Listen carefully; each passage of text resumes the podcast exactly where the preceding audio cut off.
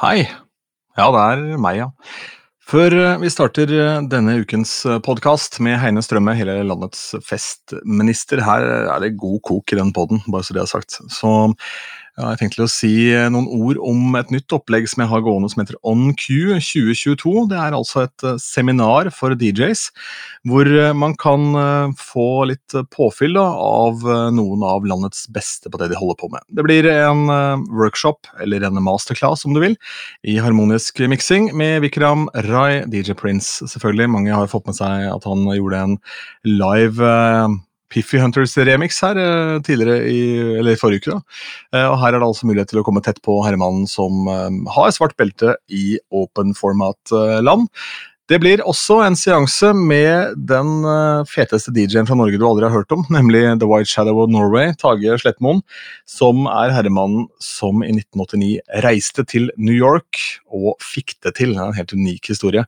Han skal ta oss igjennom reisen fra disko til hiphop, hans egen karriere, og da hvordan hiphopen endte opp i Norge. Det blir også en seanse om lyd. Hvem som gjør den, vet jeg ikke helt ennå, men her handler om uh, hvordan man skrur lyd, hvorfor det er så viktig å f.eks. rulle av litt bass under middagen hvis du spiller, og en del sånne ting. Og det blir uh, denne podkasten her en liveseanse, hvor jeg sammen med et panel gjør en uh, greie da på scenen i Lillestrøm, dette. Og hvorfor i Lillestrøm? Jo da, fordi Cheek og Duran Duran spiller i Lillestrøm denne dagen, og det er jo en rar setning å si i seg selv, men Cheek har jo låten Good Times, som ble sampla i Rappers Delight, så da er det jo grunn nok, det, fordi det er en eh, bridge her mellom eh, disko og hiphop. Så du står fritt til å bli med på konsert etterpå, for eh, DJ Prince har satt seg villig også da til å spille på et slags vorspiel som starter rett etter at Platekusk Live er ferdig.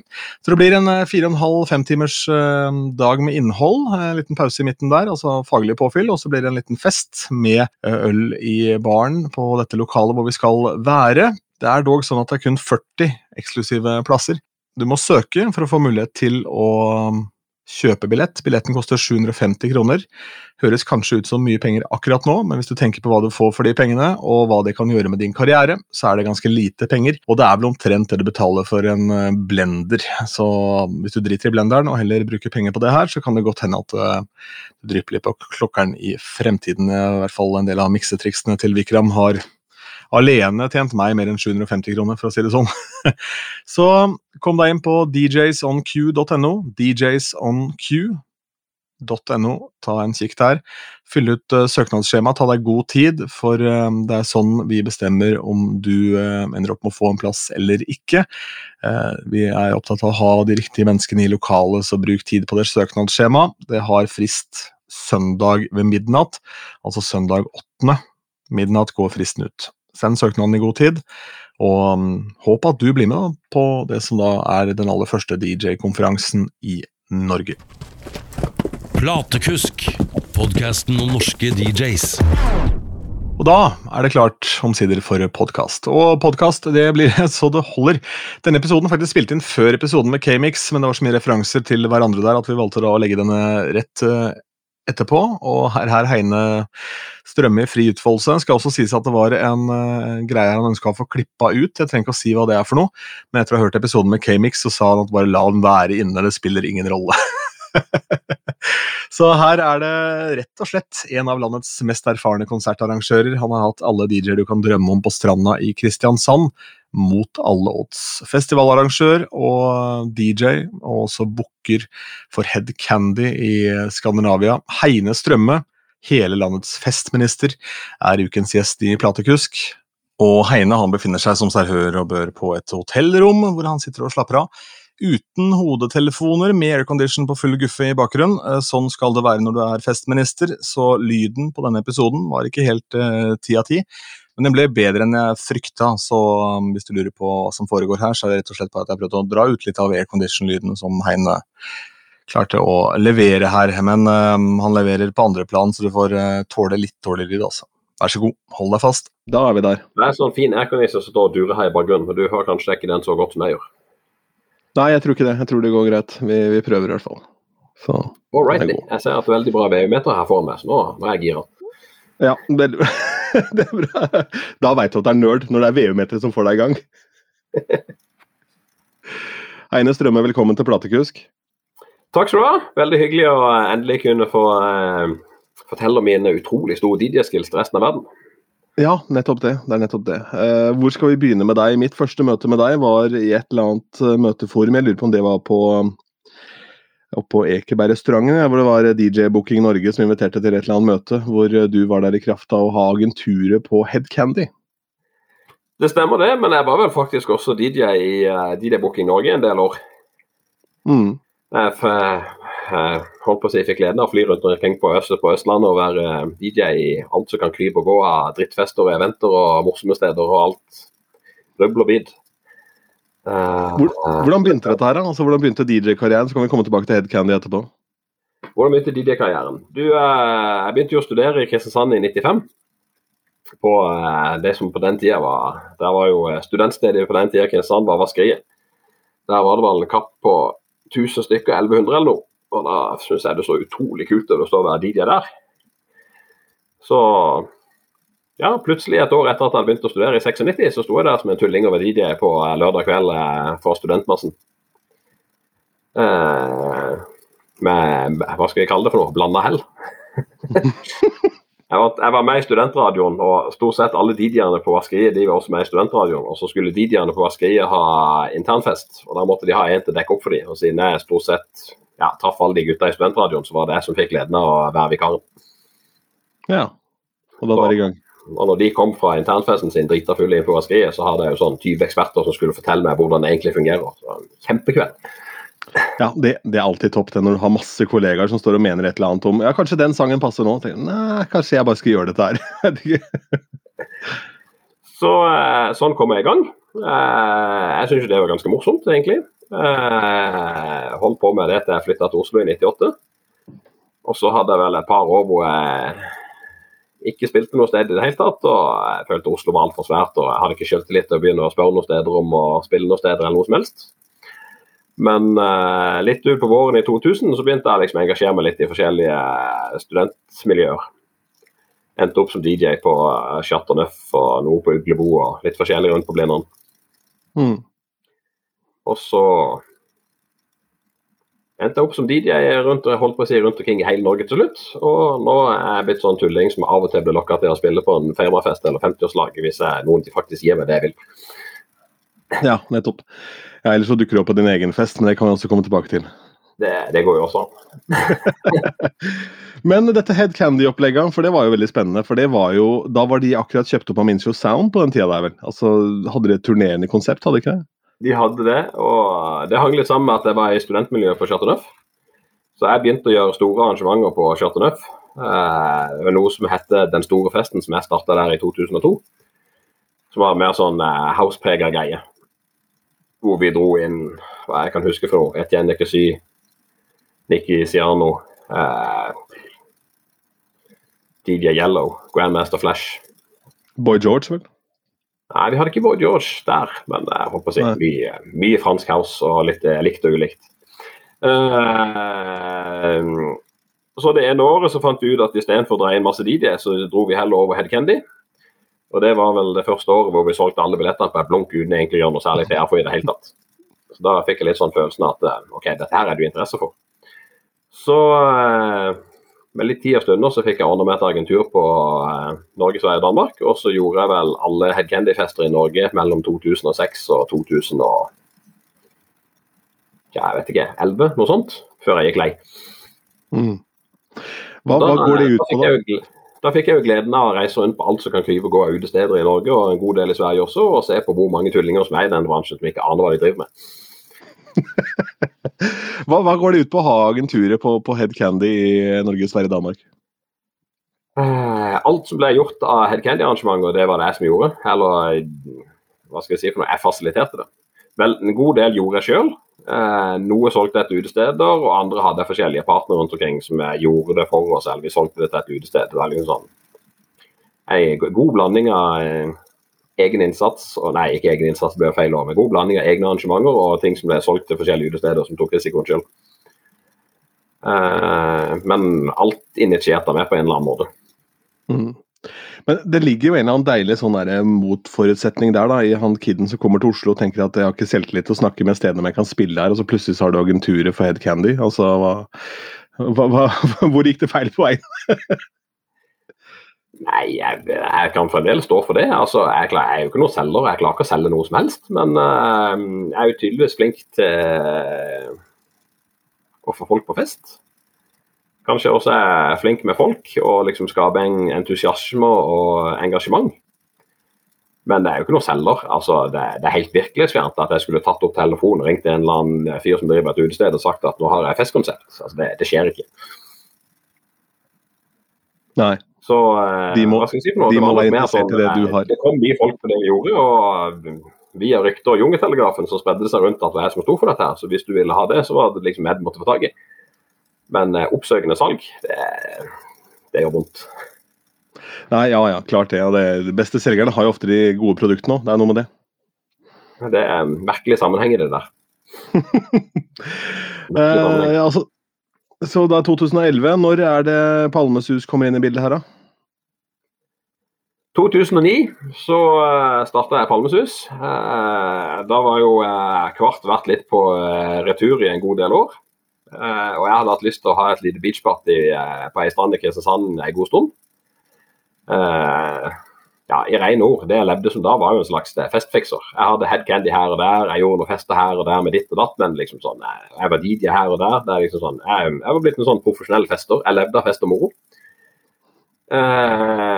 Og jeg hadde veldig lyst til å ha beachparty i Kristiansand. I Kristiansand så er det 28 offentlige badestender. Bare for å, hive, for å si hvor mye badestender det er her.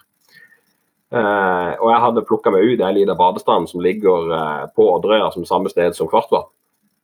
Uh, men som lå litt lenger ute på øya enn der de pleide å ha festivalen sin. Men der er sandstranda vendt inn mot byen, så liksom du får solnedgangen inn hva skal jeg si for noe, over sandstranda i front på slutten av kvelden. Så der var målsettingen at vi skulle ha 200-300 venners venner og ha beachparty. Eh, men det viste seg jo at det var så ufattelig vanskelig å få gjennom tillatelsen for å ha, være der ute, at det, eh, til slutt var det sånn at eh, når det er så mye jobb, så kan vi liksom bare flytte det inn på bystranda som ligger midt i sentrum, og heller liksom bare go for the shit. For det, det er jo tydeligvis like mye jobb. Så eh, vi brukte hele våren 2009 på å ha 400 kaffekopper og 400 wienerbrød med alt som kan krype og gå av kommunepolitikere her nede i Kristiansand. Og fikk jo til slutt dratt gjennom en tillatelse hvor vi fikk lov til å ha en festival på Bystranda i Kristiansand. Og den tillatelsen fikk vi vel ja, i månedsskiftet april-mai, og festivalen skulle være i midten av juli. Ja. Så når vi endelig fikk et go, så hadde vi jo uh, Vi hadde ikke en ting på plass. Det var liksom sånn, Vi hadde noen ideer for hva vi ville gjøre, men uh, vi hadde ingen ansatte, ingen artister, ingen infrastruktur. altså Null og niks. Det var, de sto på bar bakke. Hadde en strand. Vi hadde et sted å være. Vi hadde ei strand. Uh, så vi tok jo alle snarveier som fantes for å komme i mål. Uh, jeg booka vel inn stort sett det jeg kjenner av DJs rundt omkring, som liksom sa sånn Det er kul greie, Kristiansand kom. Vet ikke om jeg klarer å huske de som var der, men i hvert fall Fax og John Moss. Nils Noah. Fingeren. Mm. Uh, Rune Refling. Eh, og noen flere. Jeg husker ikke farta, men det var liksom sånn, det var mer eller mindre DJ som Heine kjente, som sto og spilte på en festival i Kristiansand som ingen hadde hørt om. Og vi skulle ha beachparty. Eh, så fikk vi de opp og stå på et vis. Eh, det ble gjennomført. Uh, og etter at festivalen var ferdig, så gikk KrF og Pensjonistpartiet sammen i Kristiansand og fattet et prinsippvedtak om at aldri mer skulle tillates å ha arrangementer på Bystranda. Ja, det må man nesten regne med. det må du nesten regne med, men uh, det henger jo litt sammen. Vi tok alle snarveier vi kunne for å få det her opp og stå på to måneder, og det, det var ikke alt av de snarveiene som var like vellykka. Så bl.a. blant annet skjenkerapporten var jo sånn to av fire sider med, med kjeft og utskjelling. Så det, det, var, det, var, en del å ta oss på. ja, ja. Men uh, vi endte opp med at vi, uh, gikk rundt til alle, alle, de politiske partiene i Kristiansand og tok en runde og liksom takka for at vi hadde lov til å få festival der. Uh, og ba om en mulighet til. Og så fikk vi egentlig en slags tillatelse til at vi, vi, kunne få lov til å kjøre på en gang, for liksom alle kan gjøre en feil. men hvis dere driter deg ut en gang til, så er det slutt. Og så, ja, så fikk vi jo mer tid til å gjøre det ordentlig. Og siden da så ble det jo større og større og større. og større. Ja, fordi ganske fort da, så blir jo dette faktisk vel i kapasitet Norges største festival. Ja, Det er jo så mye rare tall ute og går. Men uh, realiteten er at det er ikke plass til flere enn 17.500 på det festivalområdet som er der. Uh, så liksom det, det, er det det er mulig å få inn der. Samtidig. Ja, riktig. Ja, for da man opererer med 22 og et eller annet nå, da, men det er jo noe annet opplegg, da. Det, det er mye rare tall, men uh, det er ikke der. Nei, nettopp. Nei, da, men i hvert fall så det blir jo gedigent. Og vi har da Norges og verdens største DJs etter hvert, og live acts og gud veit hva på den stranda. Um, år, år, to, er det da du begynner å hente internasjonalt, eller? Nei, men vi, vi kan dvele litt mer med år én, bare for, liksom, for, at folk kan få en forståelse av hvor langt ned i grøfta vi begynte. Men by, mm. altså, Bystranda var jo regna, det er jo fremdeles regna som et barne- og ungdomsområde. Så vi fikk jo til slutt ei skjenkebevilling selv om vi fikk lov til å være der, så var jo ikke det inkludert skjenkebevillinga. Så eh, litt ut i juni så fikk vi endelig på plass ei skjenkebevilling, og da var det mindre enn måned til arrangementet. Og da endte det opp med at vi hadde skjenkebevilling backstage. Så eh, i bunn og grunn så var det ikke mulig å være på festivalen eh, og se scenen fra noe sted. For det var jo bare servering backstage. Uh, og det, det, sier seg jo sjøl at det, det funker jo ikke. Det er jo helt corny. Så liksom det, det, var, det, var, jo så rart. Jeg hadde et eget møte med ordføreren hvor jeg liksom prøvde å forklare den at for mange så er festivalopplevelsen det er liksom å ha en øl i hånda og se musikk. Det henger sammen. Nei, ikke det. Det var liksom, måtte forstå at Stranda var et barne- og ungdomsområde, så der kunne det ikke være alkohol. Så for de som har vært på Palmesus, så sto scenen på motsatt side av stranda. Eh, og så sto han liksom sånn vinkla sånn halvveis opp så han sto og spilte ut mot sjøen. Og så hadde vi på en måte serveringsområdet da på den, eh, den sida av stranda som er eh, ja, Hvis du ser ut mot sjøen, på venstresida. Så der hadde vi servering, og liksom med litt godvilje så kunne du kanskje se scenen derfra. Og så hele liksom sånn området foran, foran scenen, altså stranda, der hvor det er kult nå, der var det ikke lov å ha alkohol. Så det, det var utgangspunktet for år én. Så vi, eh, vi, hadde jo en god del ting vi visste vi kunne gjøre bedre i år to. Ja. Hvordan får de da lov til å få alkohol på hele området når det i utgangspunktet var så mye kjeft å få et år igjen nå? Det, si det. Altså, men jeg tror vi fikk en forståelse også for det at hvis du skal ha en festival, så nytter det ikke liksom sånn å, å, å gjemme det vekk som noe sånn eh, Samtidig skal det være et barne- og ungdomsrådet og alt mulig. Altså, vi måtte også ha fri, fri aldersgrense det første året, så det gjorde det jo ikke noe lettere. Liksom sånn, Det vrimla jo av mindreårige. Ja, ja. så det er sånn, Alt var galt. Så liksom, vi, vi fikk gjennomslag for at vi kunne 18-årsgrense på hele området. Eh, og da, da var, forsvant litt den argumentasjonen med at barn og unge måtte ikke se alkohol, for de var ikke der lenger. Nei, nettopp. Eh, så det, det, det løste mye. Uh, samtidig så vi var, vi var jo veldig tydelige på at uh, her, her, har vi bomma. her har vi ikke vært flinke nok. Men vi, vi har en idé for hvordan vi kan uh, bli bedre til neste år. Og så fikk vi jo, som jeg sa, vi, vi fikk en sjanse til. Hm. Ja, men Det er jo forbilledlig, da, fordi da ender man jo plutselig opp med å lage et arrangement som putter igjen Kristiansand ordentlig på kartet, da, slik som Kvarten gjorde den gangen da. Ja, og det er jo litt sånn, eh, det er jo litt gøy at vi starta i 2009. For 2009 var jo det siste året Kvarten ble arrangert. Og det hadde jo en sånn altså sånn Lokalt i Kristiansand så gikk jo de sånn ordentlig ordentlig på trynet i 2009. Det var liksom det som var det ordentlige smellen. Uh, jeg husker vel at uh, bare Egil var vel på Byland det året og hadde et eget foredrag om hvordan du skulle kjøre en festival skikkelig på trynet. og Da brukte han kvart som utgangspunkt. Så liksom sånn, Hvis du gjør alt galt, så gjør du sånn som dette. Ja. og så, så, klarte jo hvert det året liksom å gå på en sånn 25-30 millioner i minus, og alt var bare så galt som det kunne få blitt. Eh, mens Kvart hadde jo samtidig der i årevis prøvd å ha en festival på Bystrand, men aldri fått lov. Men vi fikk jo lov pga. at vi sto der med litt sånn lave visjoner og med, med lua i hånda kan vi få lov å ha et sted å være. Mens Kvart sto der liksom bare sånn Vi er størst i Norge, og vi skal, vi skal få millioner til å komme her. Vi skal bruke cruisebåter som hotellskip, og alt var bare sånn kjempestort og svevende. Uh, mens pga. at vi var så ydmyke og forsiktige, så fikk vi egentlig sånn Bare gjør hva dere vil, vi har mer enn nok enn de samme gutta. Mm. ja, det er jo en lærdom i det òg, da. Å kanskje komme inn med litt lua i hånda og si at uh, kan vi prøve å få til noe gøy sammen her, istedenfor å si vi vet best. Det, det tjente vi veldig mye på uh, de første årene der. Og så var vi også tydelige nok på, å innrømme det når vi ikke fikk det til. Så vi fikk, eh, i praksis så fikk vi lov til å stå og drite oss litt ut og prøve oss fram og teste ut hva som funker og ikke funker. Så du spurte vel i stad når vi begynte å få store headlinere her til. Og det I min verden så fikk vi ikke noen store headlinere til Palmesus før i 2012. Men uh, alt er jo relativt. Mm. Jo, men det var, det var jo en spennende miks der av artister, fordi tidlig så det var jo, Du gjorde booking, gjorde du ikke det? Jo. Ja. For det var jo da Blant annet Nelly Furtado var et sånn vanvittig navn som hadde hatt sinnssykt med hits, men som vel aldri hadde spilt noe særlig i Norge. Altså Kanskje gjort en greie på en eller annen TV-show eller et eller annet. That's it, liksom. Ja, hun hadde jo aldri vært i Norge i det hele tatt. Og, men vi booka hun i 2013. Eh, og 2013 var jo første gang det egentlig kom ordentlig med folk på Palmesus. Da hadde vi inne sånn ca. 10 000 om dagen. Mm. Men uh, det betydde at i 2009, 10, 11 og 12 så fikk vi muligheten til å bygge festival. Vi fikk bygd en organisasjon.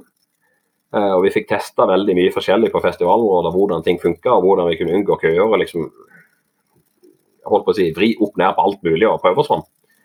Uh, og liksom, en, en, en av de tingene var jo at vi flytta scenen over på andre sida av stranda. Mm. Eh, og det, det var jo det fine med at det ikke var så mye folk der de første årene. Da kunne vi liksom ta drite oss ut og prøve oss fram og holde på. Og det var ingen som var der og så på at vi dreit oss ut. Og så i 2013, når vi endelig eh,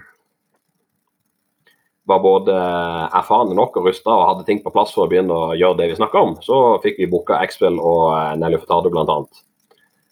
Eh, og begynte å selge billetter, så det gikk dritbra. Men da hadde Mm. vi jo på en måte tuna inn det vi ville. Ja. Eh, men eh, hvis du tenker tilbake på 2012 f.eks., så har booka vi jo uh, Tiger Cruise. Og det var jo det året han hadde den hangover-hiten. Han var jo så stor som holdt på å si. Ja, men- ja, med Dynamite og Hangover, ja. Stemmer. ja, Men så, men så hadde han jo null, null kred, da, selvfølgelig. Så var det vel ingen som ville ta i han av de fancy festivalene, de der kule festivalene. Nei, men vi hadde jo aldri kred, så det dreit jo vi. Det er det som er så fint med deg, Heine. Aldri hatt kred. Så det, det, det, det løste seg jo veldig greit. Vi booka han, vi. Vi dro Ja. over fra LA til Kristiansand for én eneste gig i Europa. uh, og eh, den dagen der så var det jo meldt regn av en annen verden. Han skulle gå på scenen klokka halv ni. Jeg tipper det var sånn 200 stykker inn på området eh, klokka halv ni da han egentlig skulle gått på scenen. Wow. Så for mange som har vært på Palmesus de siste årene og tenker at det er sånn helt ellevilt og det er alltid fullt fra første sekund altså Vi jobber jo livet av oss de første årene for å finne ut liksom, hva kan vi gjøre for at folk skal komme tidlig. Så der sto vi sånn med tai og kus og skulle til å gå på scenen, og det var, det var 200 stykker der. Og så sto det 3000 i, eh, i, i døra og ville inn. For da fant de ut at det er greit å komme ett minutt før han går på scenen. Det går fint. Ja, Det er fint. Uff. Eh, men ja, utsatt, eh, utsatt stage time, da, eller? Ja, vi fikk utsatt det med en halvtime, men uh, jeg, jeg nevnte jo at det var jo også meldt regn den dagen. og da var det liksom sånn, jeg meldte at det skulle komme skybrudd mellom uh, halv syv og halv ni, så liksom alle kunne sitte og se på Yr at det skulle hølge ned fra halv syv til halv ni, og så var det ikke mer regn etter halv ni. Så det kom 35 millimeter på de to timene. Så det er jo en, en god, grunn til at ikke, det er en god grunn til at ikke var noen folk på området. På en strand. Så, eh, men alle de som ville se Tara Kus, da, de måtte jo gå hjemmefra litt før halv ni for å liksom komme inn til halv ni.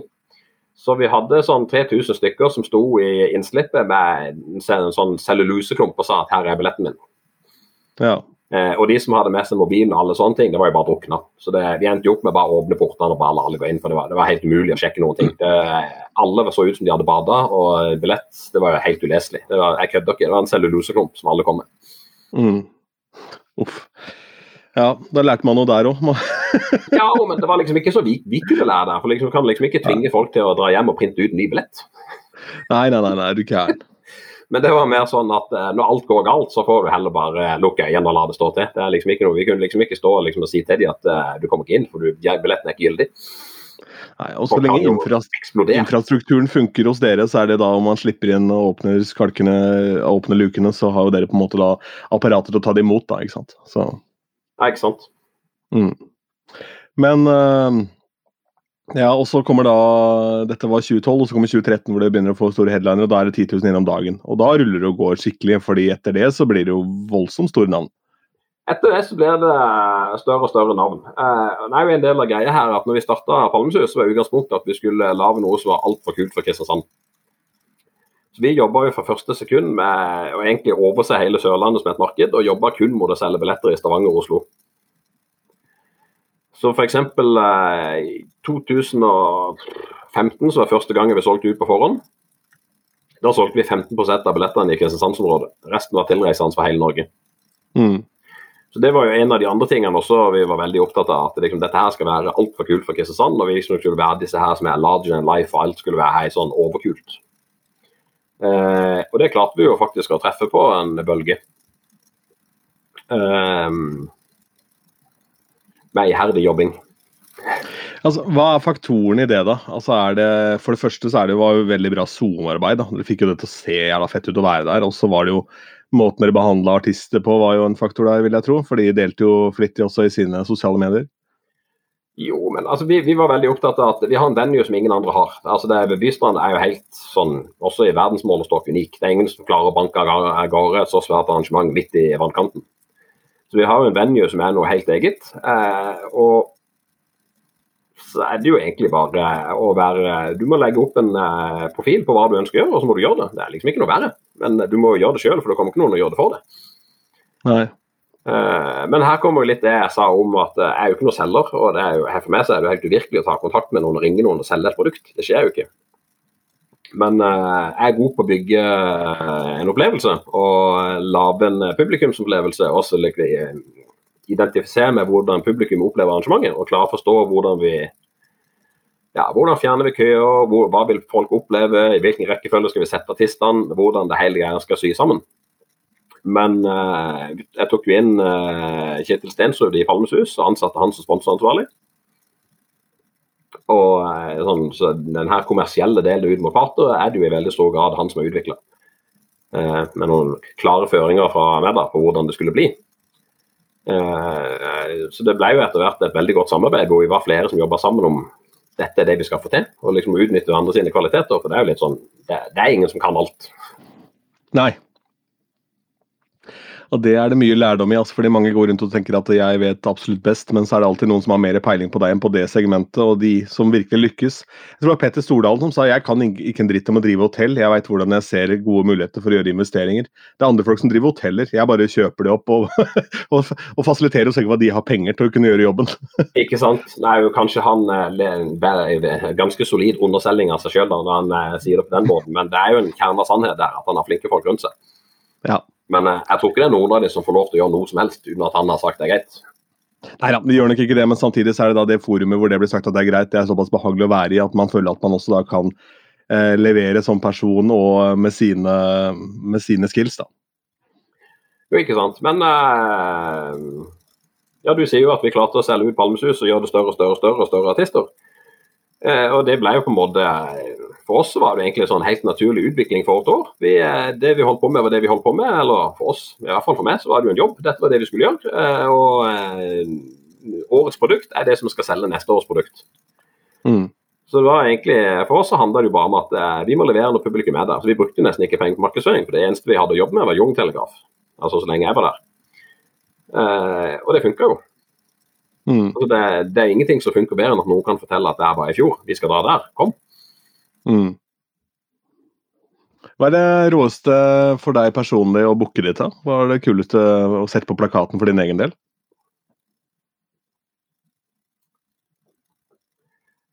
Det ble litt sånn som å velge eh, hva er favorittbursdagen din. Favorittbarn. Ikke sant. Hvilket barn er favoritten? Hvilken bursdag er best? Hvilken nyttårsaften hadde du det gøyest på? uh, men uh, det er flere ting, men liksom sånn eh, Det, det ene året når uh, Karpe tok med seg publikum og bare løp ut i vann og bada Det var ganske magisk opplevelse for publikum, selv om vi som arrangerte det, og vaktene hata det jo som pesten. Plutselig så var det sånn 700-800 stykker som stakk ut og begynte å bade. Ja, det er litt slitsomt ja, når de er fulle i tillegg. Nei, altså det, det var jo helt ko-ko, men sånn festivalopplevelsesmessig så var det jo Det, det kunne ikke vært bedre. Nei, nei. Så den er jo ganske godt fram i minnet. Eh, og så må jeg jo trekke fram eh, eh, Når jeg booka Chainsmokers der eh, og Jeg begynte å prøve å booke de før de egentlig slo skikkelig gjennom. Og jeg mener vel å huske at det første budet mitt var inne på en sånn rundt eh, 250 000. Og endte med å betale 6 millioner.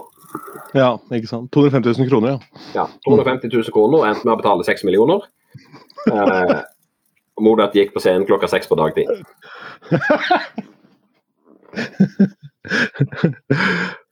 Eh, så Noe av det jeg nevnte i stad om at vi jobba veldig med å liksom finne på ting for at eh, folk skulle komme tidlig. og Det det handler om da i bunn og grunn er jo at det må være underholdning der. Det, det, må være en grunn til at folk skal komme tidlig. og der var liksom sånn, eh, ok, Istedenfor å ha masse scener hvor det spiller masse artister ingen har hørt om. Vi har én scene, og så kjører vi bare på med headline hele veien. Mm. Det, det, er liksom sånn den, De som vil gå og se nye upcoming van eller liksom oppleve en artist de ikke har hørt om, de, de får dra et annet sted. Ja, det er Men klart uh, det var jo en opplevelse. Men uh, det jeg vel husker aller best av ting jeg booka, var jo uh, Armin fra Byren som var der i 2017. Nå endte jeg opp med å selge Palmesus på høsten 2017. Men jeg er jo i utgangspunktet ikke noen sånn transfyr. Men vi booka jo Armin og var veldig usikre på hva slags sett han skulle gjøre. Men jeg hadde jo også en nederlandsk fotograf som var oppe og tok bilder på Palmesus. Eh, og han hadde tatt noen bilder for Armin en eller annen gang i tida. Så eh, når Armin landa på flyplassen, så sendte vi han fotografen ut for å møte han med som jobb å bare forklare at eh, de vil at du skal kjøre State of Trance på Palmesus her. Eh, og det var bla, bla, bla. Så liksom sånn, Før han gikk på scenen, så var vi litt sånn ja, Gjør han det vi vil, eller er han opp med å kjøre noe sånn vanlig Umpty-Dumpty EDM-sett som er helt meningsløst? Men så gikk han liksom ut på scenen og sto der med sånn hendene i været sånn som han pleier, og liksom eh, mikrofonen til kjeften og sa 'Welcome to a state of trance'. Og så bare eksploderte de halvannen time derfra ut.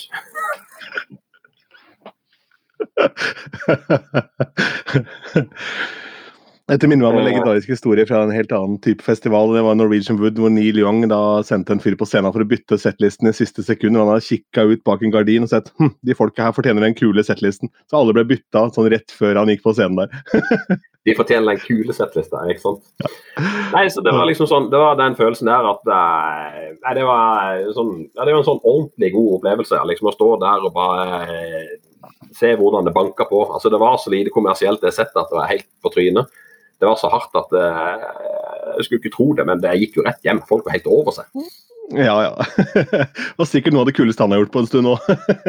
ja, han la jo ut masse videoer på sine egne kanaler etter at han hadde vært der. og liksom sånn uh, hvor han bare skøyt. Og det endte opp med at året etter så la han jo ut uh, hele settet på sin egen YouTube-kanal.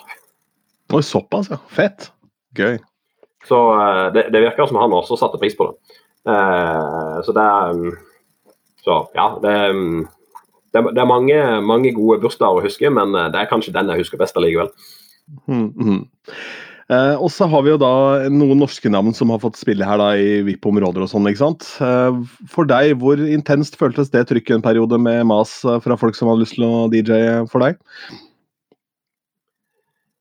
Det var egentlig ikke så veldig ille, for det var veldig få som torde å ta kontakt. egentlig. Jeg skulle nesten tro at det var mange flere som hang over med, men det var jo ikke det. Eh, og det endte jo opp stort sett med at jeg booka bare folk som enten kjente eller traff her og der, som jeg hadde en personlig relasjon til. Eh, det var et par som klarte å eh, snike seg inn. Josef Bamba var jo det. Men utover, utenom han så tror jeg nesten stort sett det bare var folk som jeg kjente fra et eller annet som hadde jobba med eller truffet på eller liksom hadde en kobling til. Ja. Nå gjøres jo Bamba der med at vi ble buddies etterpå. Liksom Når du booker en 50 ganger, så blir du kjent etter hvert. Ja, jo, jo. ja, nei, det er klart Når du har, har noe fare med Josef er jo en ekstremt dyktig DJ, så det er verre hvis du hadde snikra og ikke kunne en dritt. da. ja, ikke sant. Men eh, samtidig så var det jo litt sånn opp, vi, vi, var veldig, eller vi, eh, det var jo jeg som sto for det. Eh, veldig opptatt av å booke inn DJs som ikke var så store, ikke hadde noe ego, og som eh, ville gå rundt og fortelle i resten av Norge at her er det dødskult. Kom. Mm. Så eh, det var liksom det som var liksom greia, at vi må, vi må booke noen som syns det er dødskult å være her, og som vil fortelle videre at de er her. Ellers kunne ja. vi sikkert begynt å booke masse av disse her sånn halvkjente europeiske DJ'er som uh, Michelle Kalfan osv., som koster sånn jeg vet ikke, 3000-5000 euro. Men det hadde ikke gitt oss noe som helst. De driter jo i det. Mm. Så vi så mer på liksom de DJ'ene som spilte her som en, eh, en del av PR-apparatet. Ja, det er jo en smart måte å gjøre det på. Så er det vel kanskje et lite stikk i sida òg, da. Fordi det jo Det er bare å spørre, da. Altså, Hvis du da legger fram på en ordentlig måte, så hadde det vært muligheter den gangen da, ikke sant? Jo, stort sett. Så um, Det var um, det, det vil ikke være umulig å bli med, men uh, vi ble etter hvert en sånn eh, en god, hyggelig og fast gjeng som uh, var her. Og de fleste kom jo ned på onsdag eller torsdag for liksom å sosialisere før festivalen begynte. Så Mm. eh, det var egentlig sånn som en slags eh, Etter hvert, hva skal jeg kalle det for noe sånn? Lang helg med fri for barna, hvor du bare hang sammen med venner og kjente. Ja, ikke sant. Det blir en slags eh, norsk Miami Winter Conference-variant her. hvor man Ja, Man i, bruker- i hvert fall for meg personlig. for liksom, Etter hvert så var det jo liksom sånn, det var stort sett de samme folka. Det var liksom bare venner og kjente rundt og glede seg. Nå skal vi ned og ha det gøy igjen. og Folk så på dette som et høydepunkt, på samme måte som jeg jo hadde inntrykk av. Ikke sant. Ja ja, men det er jo Og bedre enn det får det ikke blitt, at alle bare snakker positivt om det. Så Og så 2017 er da høsten, så, så ender du opp med å selge Palmesus. eh, Og da går du over eh, til Det er ikke noe hviling på dine laurbær, for da er det plutselig oktoberfest, da. Ja, det er jo nå som du først kom inn på det. Jeg starta jo Oktoberfest i 2006 i eh, sammenheng med at jeg var i studentmiljøet på Chateau Neuf. Så det hadde jeg holdt på med i årevis. Men eh, 2016 var siste året jeg gjorde det på Chateauneuf, så vi flytta ned på Youngstorg eh, høsten 2017 for å få en litt mer sentral og ordentlig lokasjon. Eh, og det har jo blitt eh, kjempegøy og stort. altså Det var vel drøye 20 000 som var innom i fjor. Så det, det ruller jo. Det er et litt annet konsept enn Palmesus, men ja, det får du si. funker jo. Jo, men altså, det er jo, handler jo om å gjøre ting litt ordentlig der òg. Det, det må jo være kvalitet i alle ledd, selv om det på en måte er eh, rølp og ompa. Så er det jo, det er jo bra mat, og det er jo forskjellige typer øl, og det er jo underholdning så det holder der også. Ja, nå tar du alle, alle, pitch, eller, alle pitchlinene mine, for å kalle det for det. Ja, Men eh, sorry. nei, vi, eh, vi holdt jo Vi brukte et par år på Chateau Neuf, eller faktisk vi gjennom fabrikken også et år hadde Oktoberfest der, før vi liksom fikk satt en sånn norsk-tysk variant som funka. Prøvde ut litt forskjellige ølorkestre og eh, ølutvalg, og hvordan burde maten være, og, osv. så så videre. Eh, men til slutt så liksom, jeg fant, vi jo på liksom, eh, jeg fant et ølorkester som funka. Og uh, det er jo det sentrale. Det må være noen som skjønner liksom, den tyske tradisjonen med hvordan det skal være med gemütlichkeit og skåling og Så, videre. så fikk vi med Strøm Larsen, som står for maten til alle gjestene. Det er jo et godt kvalitetsstempel og løft. Og så kunne vi jobba litt mer med liksom, å bygge konsept og liksom, hvordan får vi folk til å komme tidlig og eh, liksom, få på plass den tyske greia hvor folk egentlig kommer klokka tolv for å sitte og hive innpå seidler med liter med øl hele dagen. Eh, samtidig som de står og skriker med etter sanger som de egentlig ikke er så veldig glad i, men som de elsker. Og det er på Oktoberfest. Så det, det, det handler egentlig litt om det du sier der, med liksom, konseptutvikling og få på plass de riktige elementene, men liksom klare å treffe den her eh, fornuftige blandinga norsk-tysk eh, blanding av tradisjoner. Hadde vi gjort en ren tysk oktoberfest her, så tror jeg ikke det hadde funka så godt. Så du må liksom ha inn noe som folk har hva blir det riktige ordet, forbindelse, kjennskap til i Norge. Altså en relasjon til. Ja, familiært. Ja. Uh, og der, eh, der står jeg som DJ hvert år. ja, da er det Var det DJs stemningsstemnung, er det det du kaller det? Ja, nesten. DJ Stimmungsschwung. ja, nesten. Det er jo da en Stimmungsschwung. nydelig tysk variant av mitt engelske DJ Moodswing. Ja, ja, nettopp. ja, den er fin. Så da har jeg jo, eh, i kraft av å holde på med det i så mange år, så har jeg blitt eh, Det er ingen tvil om at jeg er Norges beste afterski-DJ. Ja, ja, ja. Det tviler jeg ikke på. Og, eh, og, og selvsagt også Norges beste Oktoberfest-DJ. Men jeg tror vel kanskje akkurat at Oktoberfest-DJ-karrieren min begynner å gå mot slutten. Det er på tide å la nytt blod oppdage musikkens kvaliteter. Men eh, hva, hva er det du spiller på, på disse festene for de som da ikke har hatt gleden av å være en del av det? Altså, hva er det, hva er det det går i der? Sånn, hva er det som gjør deg til at du kan sitte her da med brystkassa fram og si at du er best på det? Uh, Nei, det er jo det er en fingerspiss, uh, fingerspissgefühl, som det heter på godt tysk, Uh, av alpeklassikere. eh, norske Grand Prix-låter, internasjonale Grand Prix-låter. Leide opp sanger som alle kan uten utenom, utenom i hjertet. Selv om de aldri kan huske å ha hørt låta før. Så det er liksom nærmest sånn at når jeg sitter og hører på radioen eller rundt omkring alt jeg gjør resten av livet, så hører jeg en eller annen låt som er liksom sånn bare catcher at den her, den funker på Oktoberfest. Så jeg liksom bare legger den inn og gjør den klar, sånn at den ligger der til neste gang vi skal på scenen. Mm. Det er liksom litt noe sånn greie liksom å ha radaren oppe for uh, hvilke låter som sitter og funker. Uh, og så er jo det, Oktoberfest er jo tysk, så her går det jo an å dra det veldig mye lenger enn eh, på afterski med alle de store tyske alpeklassikerne. Eh, det er jo sånn, Mickey Krause er jo svært viktig i en sånn setting. For ikke glemme Hermes House Band og Didi Ötzi. Mm. De har eh, sin katalog, de, ja. Helt klart. Og den er dypere enn uh, Country Roads, for å si det sånn. ja, den er, den er svært omfattende. Uh, men det går liksom an å gjøre ting gøyere og finne noen sånne norske, norske ting som folk egentlig ikke skjønner hva er for noe, men som de bare reiser seg opp og skjønner. at Den kan jeg utenat. Hvorfor kan jeg det? Ja. Ja, ja, ja, ja. Hvorfor det?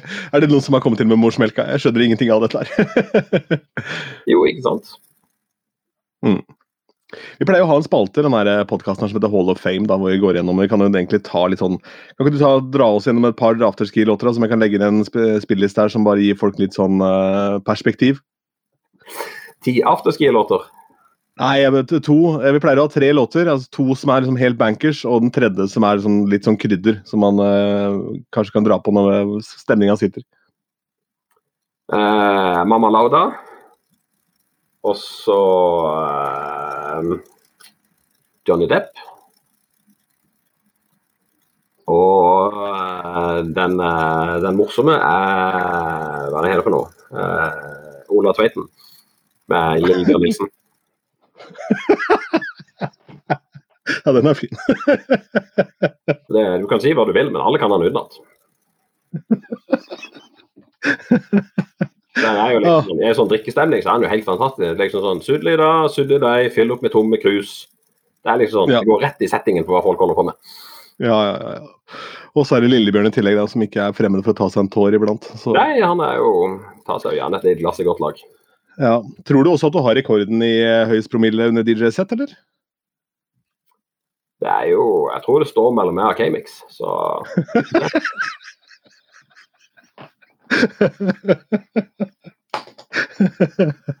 ja, for stemningen er meget god der. Um... Jo, altså, hvis det først skal bli et nummer ut av det, så kan jeg i hvert fall slå i bordet med at jeg er den eneste jeg har møtt noe sted som har klart å drikke den under bordet. Ja.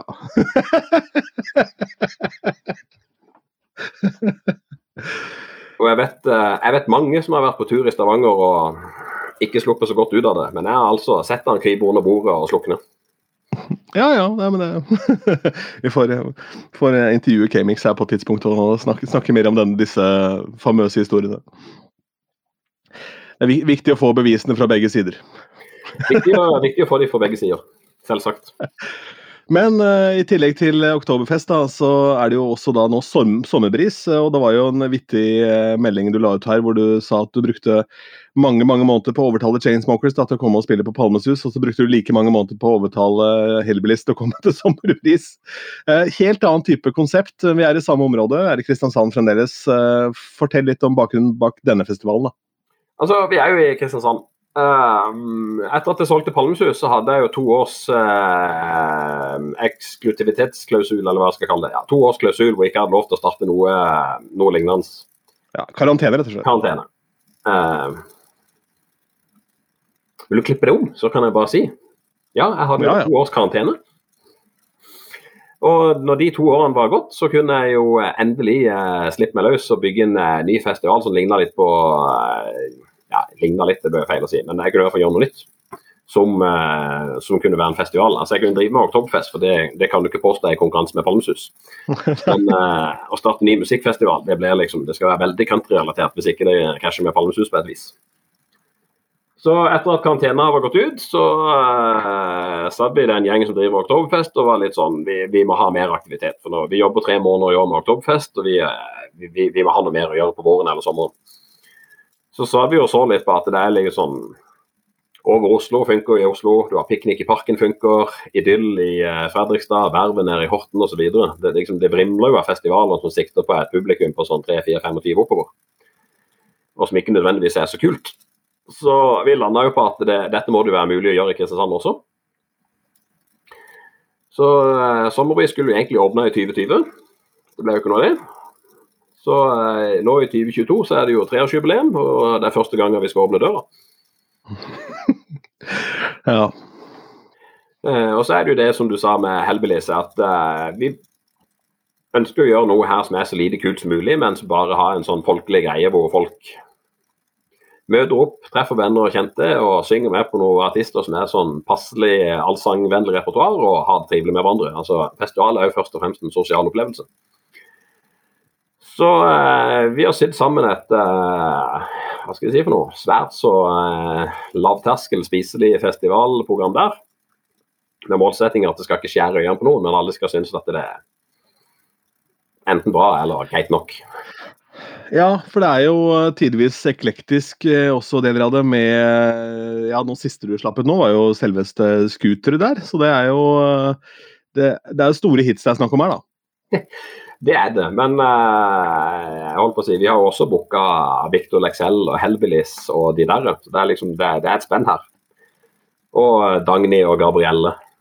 Klovner i kamp. Men som du sa, den siste artisten vi slapp var jo Scooter, og da eh, em, ja, Jeg har jo sluppet veldig mye rart i Palmesus med Armin og Chainsmokers, Nelly Furtado, Axwell og ja, Axwell Ingrosso osv. Martin Grix. Men det er ingen artist noe sted som det har vært så massiv respons på som jeg har vært med på som Scooter. Eh, det, det har vært helt sånn eh, det, det, altså Folk har ringt og takka for at jeg har booka Scooter til Norge. Eh, og det, er sånn eh, her på Sørlandet som har bare vært helt sånn Jeg har aldri sett noe lignende. Mm. Men det er jo, jeg kjenner jo Thomas Borgvang, Will Wheel of the Nineties, veldig godt. og det, han er jo en venn av deg også. Og vi har snakka med han, og han sier at altså, av disse 90s-navnene så har du på en måte masse navn, og så har du jo Scooter. Det er jo en helt egen klasse hva liksom angår eh, ja, appell, antall hits, sceneshow, eh, jåleri backstage. Altså det, ja, det er på et helt eget nivå alt sammen. Jo, jo, det er det jo ingen tvil om at det er. Uh, men han eh, han har jo også et proft forhold til det han gjør. og samtidig så er liksom, Nå har vi tatt meg selv i å begynne å høre opp alt det han gjorde for 25 år siden. Eh, og det sitter jo fremdeles. altså Veldig mye av det høres ut som fullstendig avleggs ut. og er liksom Jøss, hørte vi på dette? Men eh, Scooter, det, det har tålt tidens vann, vil jeg virkelig si. Ja ja, er du gæren. Og det, det er jo nesten pinlig når man hører på det igjen og bare faen, det var jo jævla bra, dette. Ja, ikke sant? Um, og det er liksom sånn eh, Det var jo noe av det vi holdt på med liksom sånn, i Sommerbris, at vi, vi, vi må tørre å gjøre noe som er litt kult. og Det får du litt sånn, eh, det er egentlig akkurat som å være DJ-utvikling. altså Hvem som helst kan stå og spille hits i to timer, og så er det dansegolv. Men det er jo litt gøy å av og til utfordre publikum og sette på noe som ikke er gitt at det funker, og så eh, se hvordan det går. Mm. Og For meg så er jo det å booke et festivalprogram er jo litt av det samme. Du må, du må tørre å gutse litt på, eh, på å gjøre noe nytt. Du må klare å treffe litt utenfor eh, forventningene for at det skal bli noe interesse for det. Men uh, denne festivalen her, Sommerbris, da, ta oss gjennom detaljene. Hvor er vi i Kristiansand? Altså, hva, hva, hva er det langsiktige målet her? Altså, nå har dere allerede holdt på et par år uten å holde på. Uh, så, ja, hvor, hvor, hvor ender vi i løypa? Eh, Nei, altså For min del så ble det nesten som å slutte av ringen. For nå har vi jo eh, flytta inn på det området der Kvart var i gode gamle dager. Så vi overtar jo egentlig området til Kvartfestivalen. Vi skal slippe inn 14 000 om dagen, så det har blitt en ganske svær festival. Eh, og eh, vi kjører jo til med 20-årsgrense for, eh, for å skille oss vekk fra en del andre ting, og liksom for å være veldig tydelig på at det vi ønsker er publikum på 3-24 oppover. Og så er det jo også en ting da at Palmesus er jo også i Kristiansand, så det er liksom sånn, vi kan ikke gå og tråkke opp i det som de gjør bra. For det, det de gjør bra, det gjør de veldig bra. Så vi må jo vi, vi må ha noe annet. Vi kan ikke stå og tråkke i det, det, de, det de er best i. Så eh, litt jeg var inne på, så Derfor har vi jo prøvd å finne litt sånn allsangvennlige greier. Sikte på et publikum som er 3-24 oppover. Prøve å by litt på det som er, folk forbinder med Sørlandet og Kristiansand. så liksom, eh, Vi har CB i eller liksom sånn, Kristiansands Bryggeri. Det er litt sånn lokalpatriotisme. Også Samtidig så er det mulig for publikum å f.eks. Eh, booke et bord med en skalldyrbufé, hvor en av restaurantene fra fiskebrygga her nede eh, kommer og leverer eh, ja, da blir det, rex, krab, nei, rex, reker, krabber, eh, blåskjell og kreps. Og liksom Du får en sånn tallerken, eh, ikke en tallerken, men en buffé som du forsyner deg. Mm. Ja, og Det henger jo litt sammen med hvordan det er. her. Så det er liksom å klare å treffe litt av den her uh, sørlands... Uh, idyllen. Eh, samtidig som musikken må henge sammen med noe som folk har lyst til å se, men den er nødvendigvis ikke det viktigste. For det viktigste er jo det sosiale, tenker jeg. Men det må helst være noe som folk tenker at det hadde vært kult å se. Mm. Men så har vi jo eh, vi har jo delt festivalen opp i to områder. så Vi har, det, vi har et, eh, et konsertområde som er hvor alle disse bandene nevnte. Hellbillies, De der, Scooter osv. Og så har vi det vi, som heter Bennisbukta, hvor vi skal bygge en eh, dagklubb.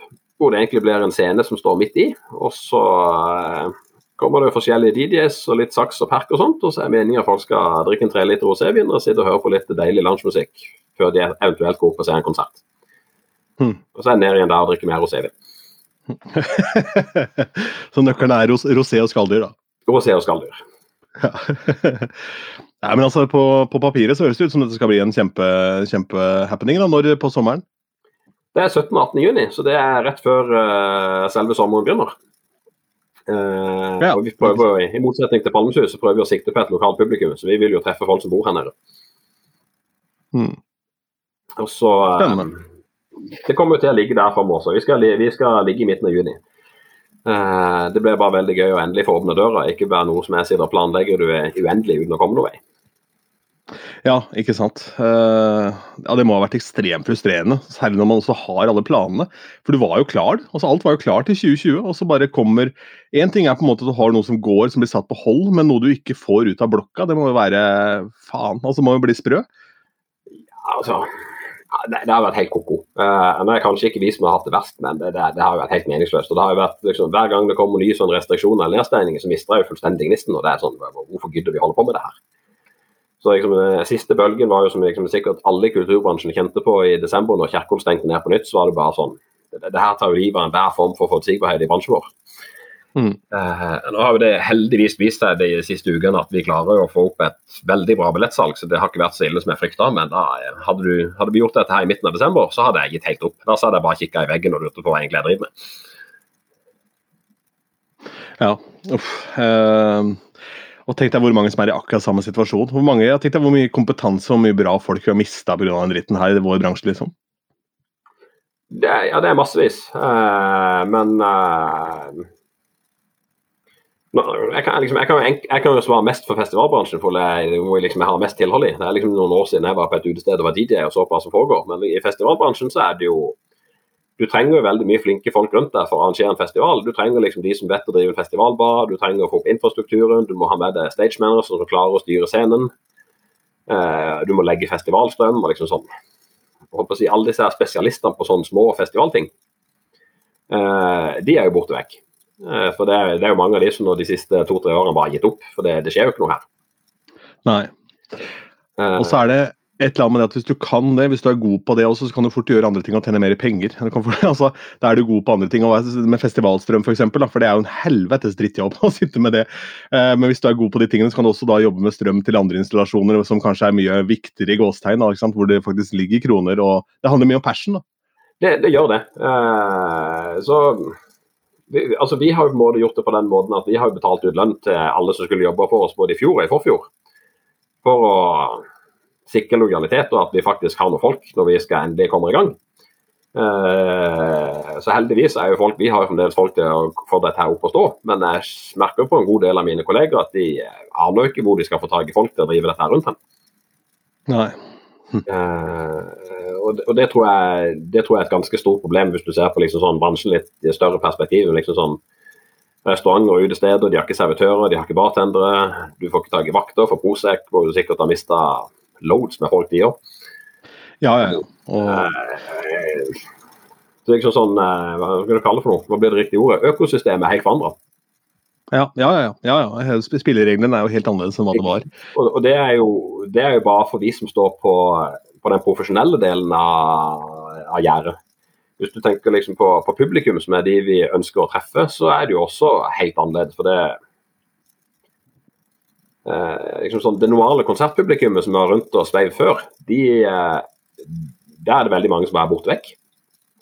Du ser jo sånn som turné med Skambank nå, der ble bare hele turneen avlyst fordi de selger ikke billetter noe sted. Nei. Når de var på turné for to-tre år siden, så var det liksom sånn, solgt, solgt, alt hvor de var. Mens nå er det helt sånn, ingen bryr seg. Mm. Eh, mens andre ting da tydeligvis eh, fremdeles selger billetter, sånn som Karpe er jo Ja, men de var igjen da en sånn helt særstilling. da, og, og, de har jo klart på et eller annet merkelig vis også å manøvrere seg gjennom den pandemien med å ha den der, eh, disse in, intime tingene i Skien og sånn. og det er klart det er jo sterkeste rett til å overleve det òg, for de sitter jo på toppen da, med mest ressurser og også mest kreativ power som kommer inn, for alle ønsker om å assosiere seg med dem, så de kan jo sope opp de beste Det er litt sånn som Silicon Valley, kunne ta de beste folka fra hele verden, fordi alle ville jobbe med de brandsa. ikke sant? Ja, ikke sant, men det, det ble på en måte, der har du de to ytterpunktene. for liksom Skambank var liksom For to-tre år siden så var de det samme innenfor rocken. De kunne liksom turnere rundt, og de solgte greit og bra, og alt rulla gikk, mens nå er det ingen som bryr seg. Mens Karpe de har det samme. De har klart å holde på det. Mm. Og det, jeg tror det du er inne på noe helt vesentlig der, at de som fornyer seg liksom å komme med noe nytt og holder seg aktuelle for publikum, de vil fremdeles klare å selge billetter og holde på den samme standingen.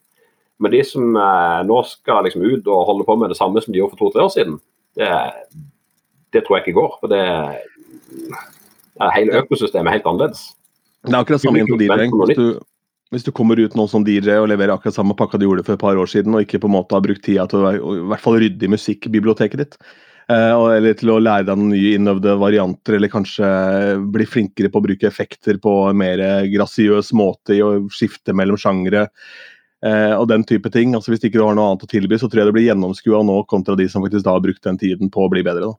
Jo, men sånn, Det er jo også en veldig relevant diskusjon i forhold til alle disse her eh, DJ-ene som reiser verden rundt.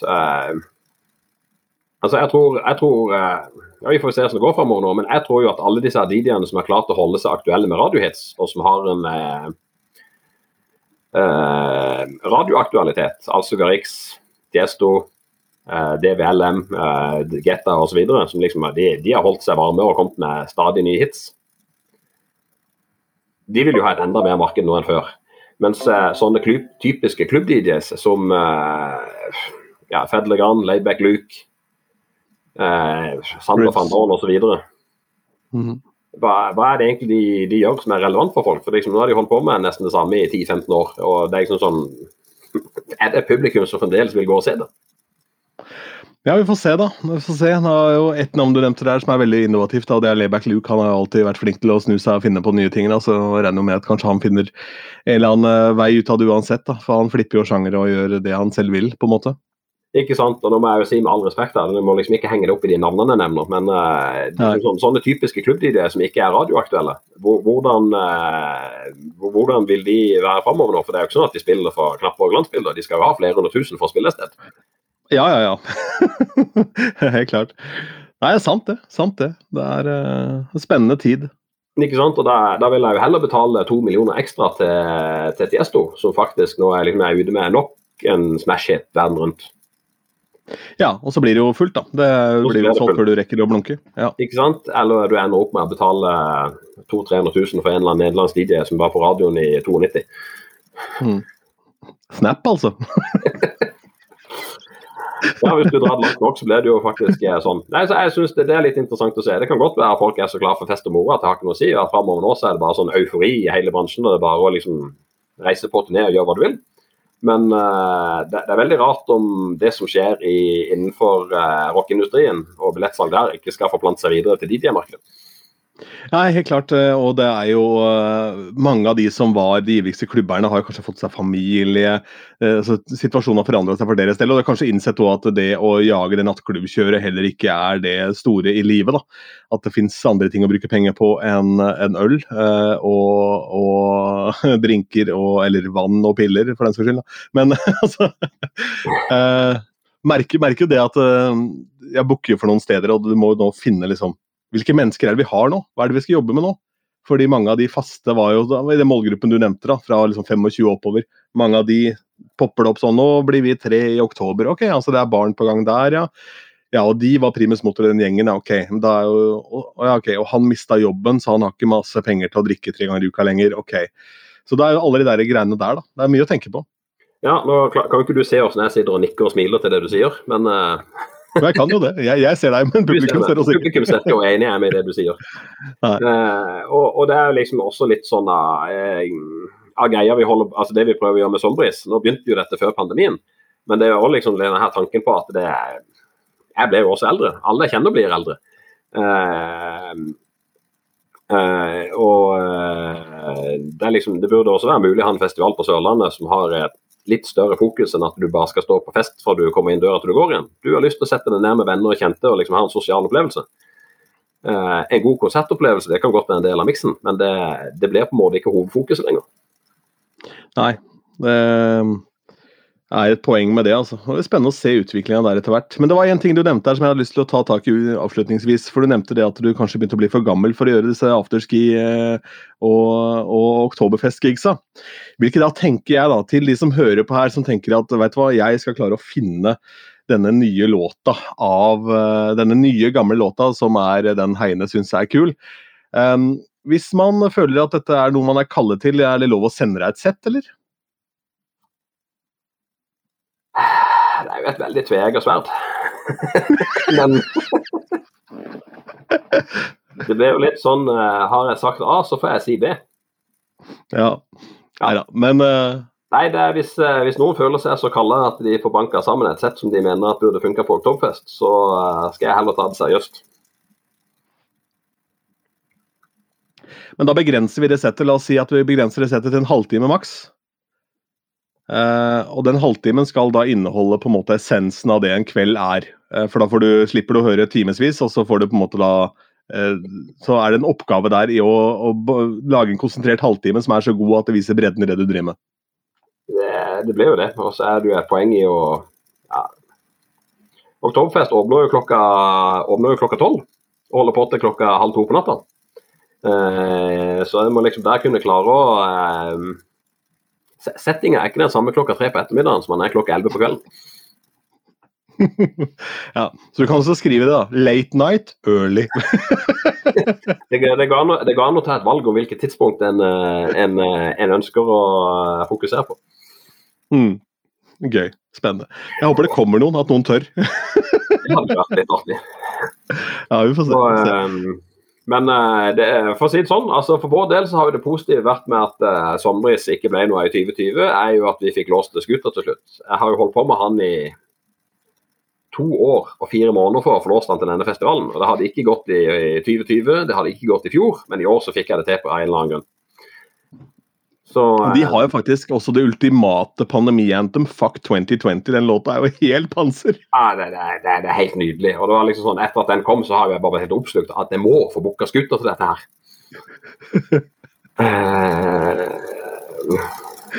og det er noe så deilig med en fyr som har jobba med verdens største og mest kredible DJs. Jeg må få booka scooter! Jeg må få på plass scooter!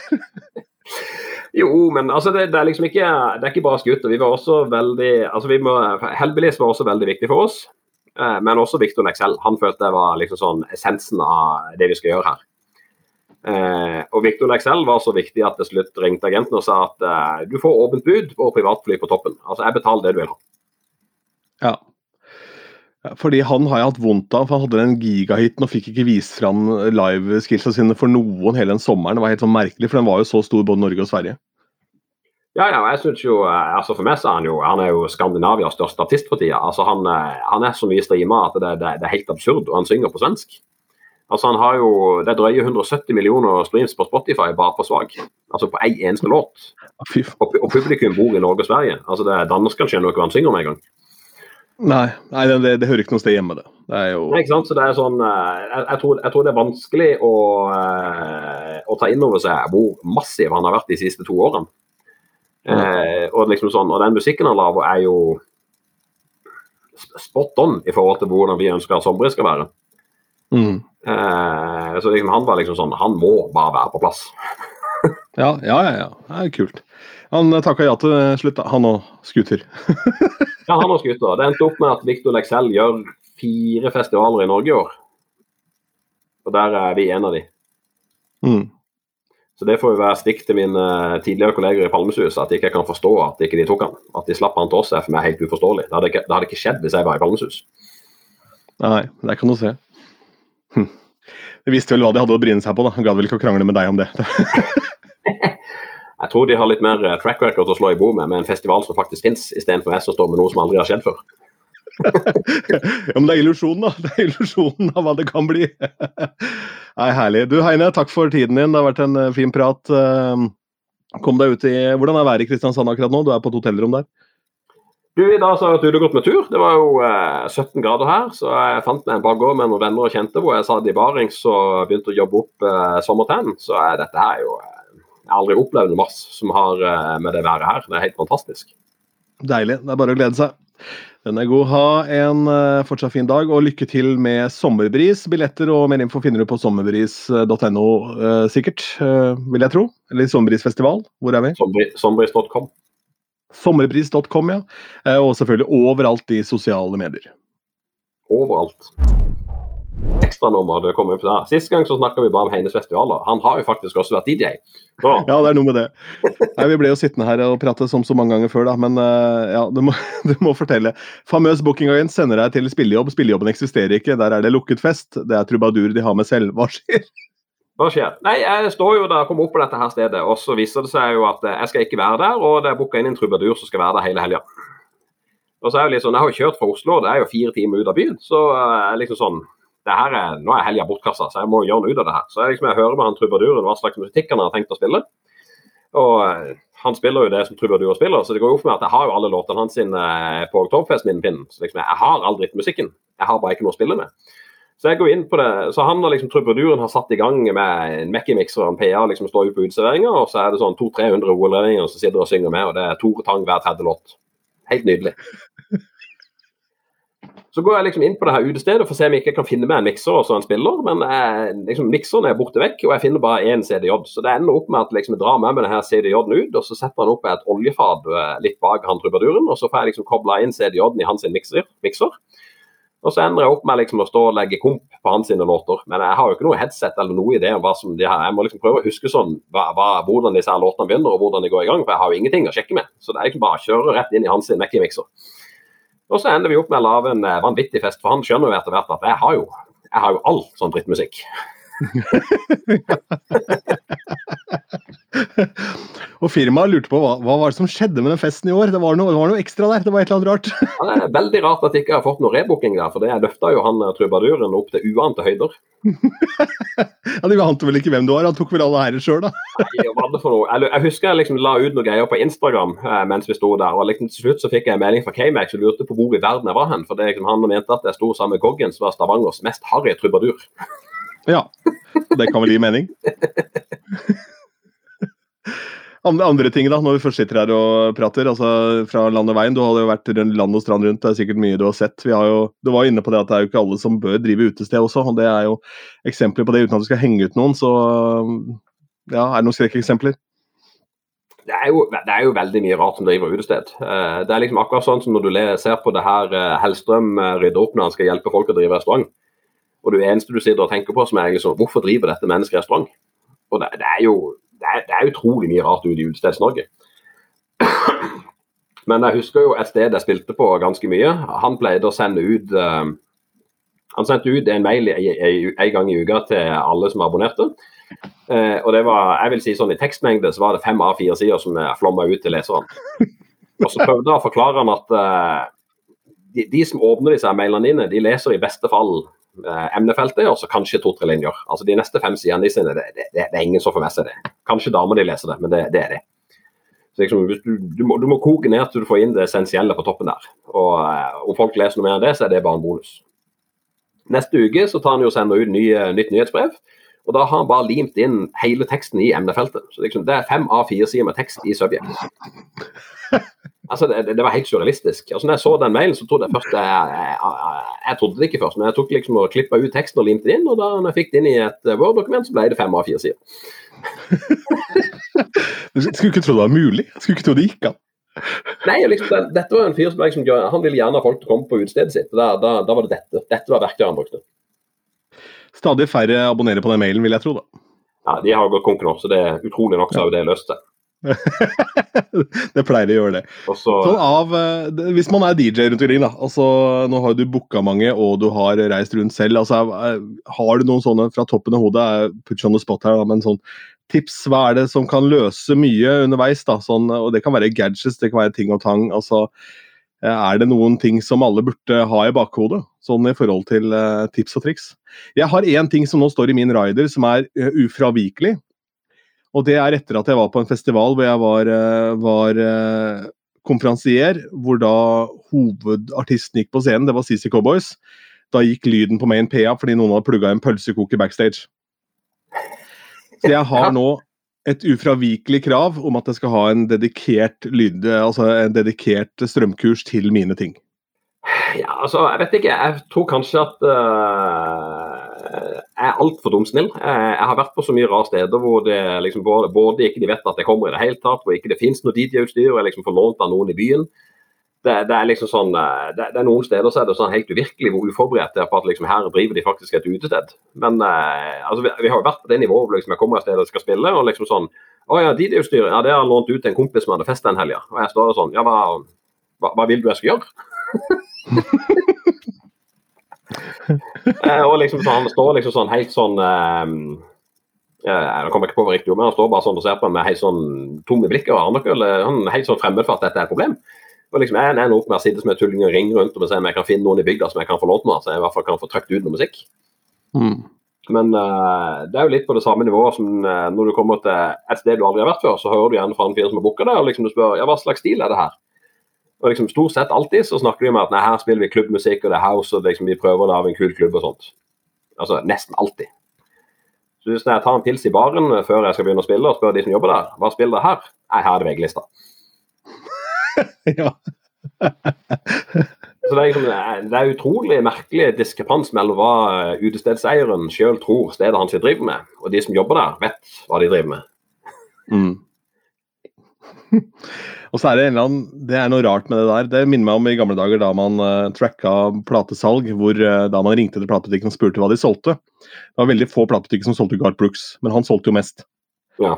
Uh, så da de fikk soundscan og kunne se via strekkoden hva som ble solgt, så solgte jo alltid Garth Brooks mest. Han selger alltid mest, han. Ja.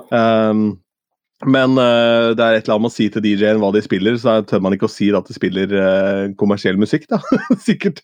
Fordi det vil jeg, vil jeg, at du skal tenke at det er en jævla fet klubb du skal til, også.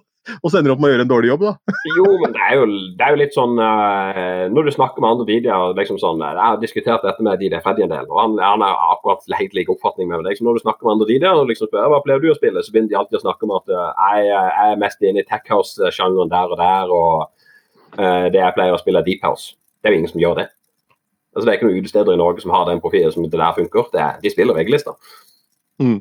Det er mulig de får klemt inn to-tre låter i hvert sett med noe de liker sjøl, men virkeligheten er jo mm. det som er kommersielt.